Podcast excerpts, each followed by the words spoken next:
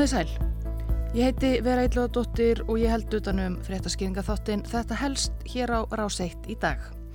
Og í dag er það mál málana. Skákheimurinn er í uppnámi eftir að grunur vaknaði um að ungur bandarískur stórmestari Hans Nýmann hafi svindlað í skák gegn norska mestaranum Magnúsi Karlsson á virtu skákmóti í byrjun þessa mánadar og það sér ekki fyrir endan á málinu sem þykir einn stærsti skandall í skákheiminum í áraraðir.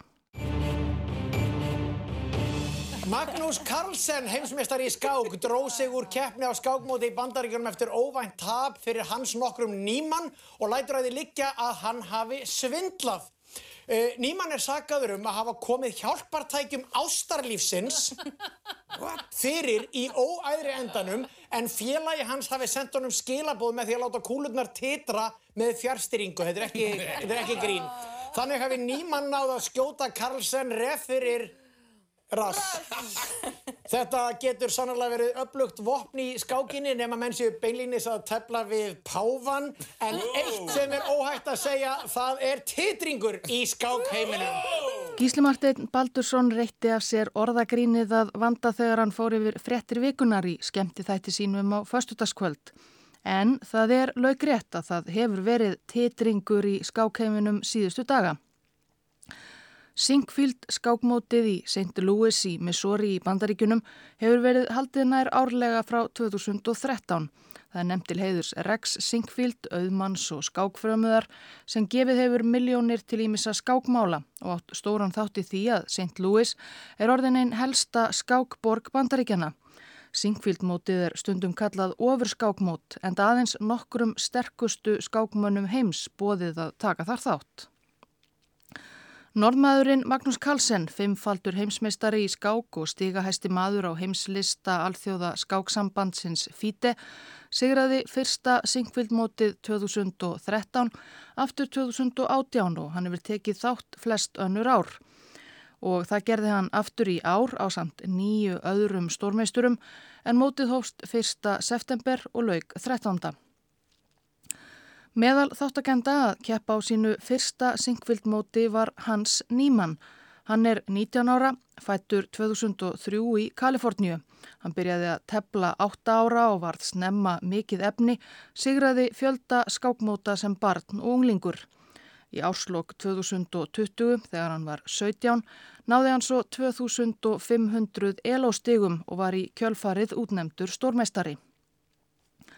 Auk þess að ferðast um heiminn og keppa á hefbundnum mótum hefur nýmann vakið aðtekli fyrir að streyma skák.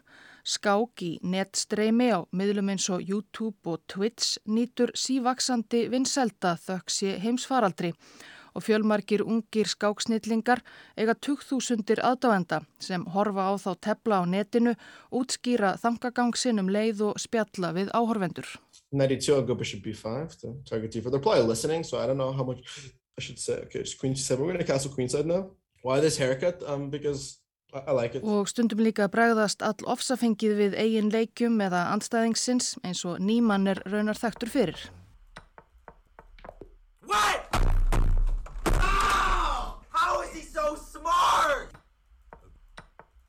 How am I this fucking good? Get fucking down and bow down!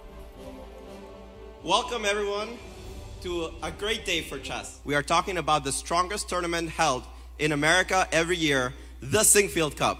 Sigursælasti keppandi Singfield sögunar Magnús Carlsen fór vel af stað á mótinu í ár. Í fyrstu umferð vann hann afgerandi sigur á rúsneska stórmeistaranum Ian Nepomniachtchi en þeirt Carlsen tókust á um heimsmeistaratitilinn í skáki fyrra, bar þar Carlsen einnig sigur úr bítum.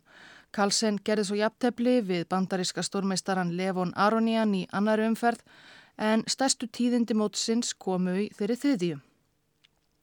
5. september sigraði hinn litríki 19 ára gamli bandaríkjamaður Hans Nýmann, norska meistaran með nokkuð afgerandi hætti. Þó Nýmann sé sterkur skákmaður og hafi áður sigrað Carlsen vöktu niðurstöðunar undrun í skákheiminum. Carlsen hafði ekki tapað í síðustu 53 skákum sínum. Á fréttavefnum Chess 24 var því slegið fram að Sigur Nýmanns á Karlsson væri sláandi og gæti markað vatnaskil í skáksögunni. Uh, I was actually very fortunate uh, that this opening came on the board and I looked at this today. You, you guessed this opening I today. did not guess it, but, but some miracle. Nýmann sagði í viðtali eftir skákina að fyrir tilviljun, kraftaverki líkast, hafi hann einmitt farið yfir stöðuna sem upp kom í byrjun skákarinnar, svo nefnda nims og indverska vörn og því geta leikið snemma á norðmannin og tekið fóristu. I think he's just so demoralized because he's losing to such an idiot like me, you know? It's just, uh, it must be embarrassing for the world champion to lose to me. Uh, Hann sagðist og vorkenna heimsmeistaranum Karlsson að þurfa að tapa fyrir svona fýbli eins og sjálfum sér eins og hann orðaði það. Skák unnendur voru ennað ræða þessi merkilegu úrslit örfáum klukkustundum eftir að skákinni lauk þegar normaðurinn tilkynnti óvænt að hann hegðist draga sig alfarið út úr syngvildmótinu. Það er í fyrsta sinn á ferlinum sem Karlsson dregur sig út úr móti. Hann byrti yfirlýsingu á Twitter með stuttu myndskeiði úr viðtali við portugalska knatsbyrnustjóran Jose Mourinho. I prefer really not to um, not to speak. If I speak, I am in, in big trouble. In big trouble. And I don't want to be in big trouble. Ég vil síður tjá mig ef ég segi eitthvað lendi ég í miklum vandræðum. Viðtalið við Mourinho var eftir ósigur Chelsea liðs hans á móti Aston Villa 1-0 2014. Mourinho var sjáanlega ósáttur við domgæslu í leiknum en svaraði svona þegar hann var spurður út í það að leik loknum. Nokkuð dularfull skilaboð frá Karlsson en það fór sá kvittur fljótlega á kreik að hann væri að ía því að nýmann hefði á einhvern nátt svindlað í skák þeirra. Einn allra vinsalasti skákmaðurinn í streymisheiminum er japansk bandaríski stórmeistarin Hikaru Nakamura. Fantastic day wherever you guys are in the big world, big wide world. We are back, of course. We are going to be covering the Sinkfield Cup. Nakamura er 34 ára, sjötti á heimslista FIDE og með meira en miljón fylgjendur á streymisíðunni Twitch þar sem hægt er að fylgjast með honum tepla og tjá sig um ímis hugðarefni sín. Hann var ekki meðal þáttagenda á Sinkfield mótinu í ár en fór yfir skákir mótsins og helstu tíðindi á síðusinni. Í hálftímalöngu myndbandi sem Nakamura byrti degi eftir að Karlsson dró sig úr keppni saðist hann telja að norðmaðurinn grunaði nýmann um pretti. I think that Magus believes Magus believes that Hans probably is cheating. Again, unproven. Who, who knows what the reality is? He probably does believe that in his heart of hearts that Hans cheated in that game. Nakamura benti á að öryggiskesla hafi verið aukin umtalsvert á miðju syngvildmótinu sama dag og Karlsson dró sig úr keppni. Þá var farið að leita á keppendum fyrir skákir og 15 mínútna töf sett á áður beinar útsendingar frá mótinu. Og þetta er þið ekki fyrsta sinn sem hans nýmann gerðist uppvís um svindl. Eins og Nakamura greindi frá var nýmannum hríð bannaður af vinsalasta skákvef heims chess.com eftir að hann gerðist upp í summa svindla í netskák. Nýmann játaði þessar sakir í viðtali 7. september. Hann hafi svindlað í netskák þegar hann var yngri til að komast hærra á lista chess.com. Þetta hafi verið hans mestu mistök. The. I have never cheated in an over-the-board game. I have never, ever, ever, and I would never do that. That is the worst thing I could ever do, cheat in a tournament with prize money. En Nýmann hafnaði því alfarið að hafa nokkuð tíman svindlað í skák í raunheimum hvað þá á móti þar sem verðlaunafið var í bóði. Skipulegendur Sinkvildmótsins letu í kjölfarið sérfræðinga, einhverja helstu skák spæjara heimsvíst, fara yfir skák Karlsens og Nýmanns og aðtuga hvort einhver bröð getur hafa verið í tabli en niðurstaða þeirra að ekkert væri aðtugavert við skákina. Málið hefur þrátt fyrir það klófið skákheiminn. Sumir telja grunnsemdirnar á hendur nýmanega rétt á sér en aðrir að þetta séu nortnaveiðar. Framkantastjóri alþjóða skáksambandsins Fíte, Emil Svítovski, skrifaði á Twitter að Magnús Carlsen væri nú ekki vanur að leggja upp laupana þó ítla gengi og hann hliti því að hafa gilda ástæðu fyrir því að draga sig úr keppni. Og Nepomniachtchi sem Carlsen sigraði á mótinu saði ógerlegt að gera alveg út af við svindli skák nema ef vera skildi að keppendur fjallust á að tepla naktir í læstum klefum. Nýman hefur reyndar líst yfir að hann sé fús til að tepla nakin ef það er það sem þarf til að kveða niður ásakanirnar. En Nýman hefur nú aftur verið bannaður af chess.com og ýmsir skákfrömuður hafa kallað eftir því að farið sé yfir allar skákir hans undanfærin þrjú ár á sama hátt og gert var við skákina við Kalsen. Sjálfur Gary Kasparov hefur hins vegar farið fram á að Kalsen geri betur grein fyrir máli sínu en normaðurinn hefur ekkert tjáð sig um úrsögnina af syngvildmótinu fyrir utan Twitter-færsluna einu. Kasparov vel á minnst telur ólíklegt að nýmann hafi svindlað. En málið heldur bara áfram að flækjast. Í gær áttust Kalsen og Nýman við í hraðskák yfir netið á netskákmótinu Champions Chess Tour eða áttu að gera það.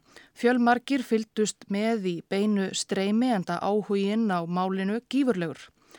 Kalsen byrtist á vefmyndavél í upphafi skákarinnar, sitjandi heima hjá sér að öllum líkindum en stóð svo einfallega upp og gekk út úr myndinni. Hann sást ekki meir og telst í hafa gefið skákina, nýman sigrað. Þetta síðasta útspil Karlsens hefur vakið aðalega nextlan í skákheiminum. Skákskýrendur norska sjóansins TV2 göftu af undrun þegar ljóst var í hvað stemdi og sá möguleiki verið nefndur að Karlsen verði vikið af Champions Chess Tour mótinu. Skandallin hefur svo líka vakið umtalsverða lukku meðal gárunga á samfélagsmiðlum sem þrýfast á hverskins dramatík í skákheiminum.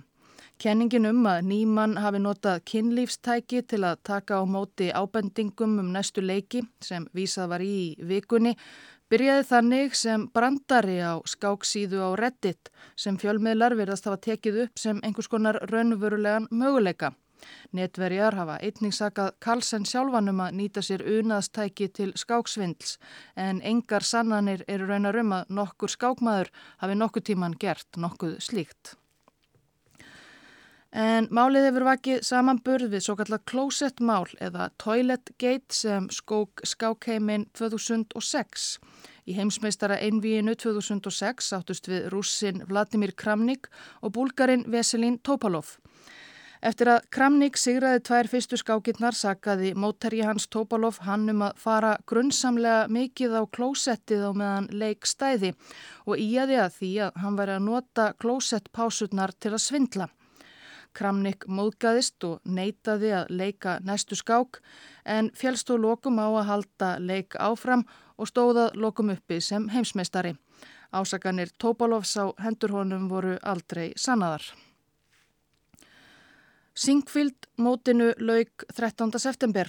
Íransk-franski stórmeistarin Ali Reza Firusja, jafnaldri Nýmans 19 ára, stóð uppi sem sigurvegari og hlaut fyrir vikið veglegt verðlunafið.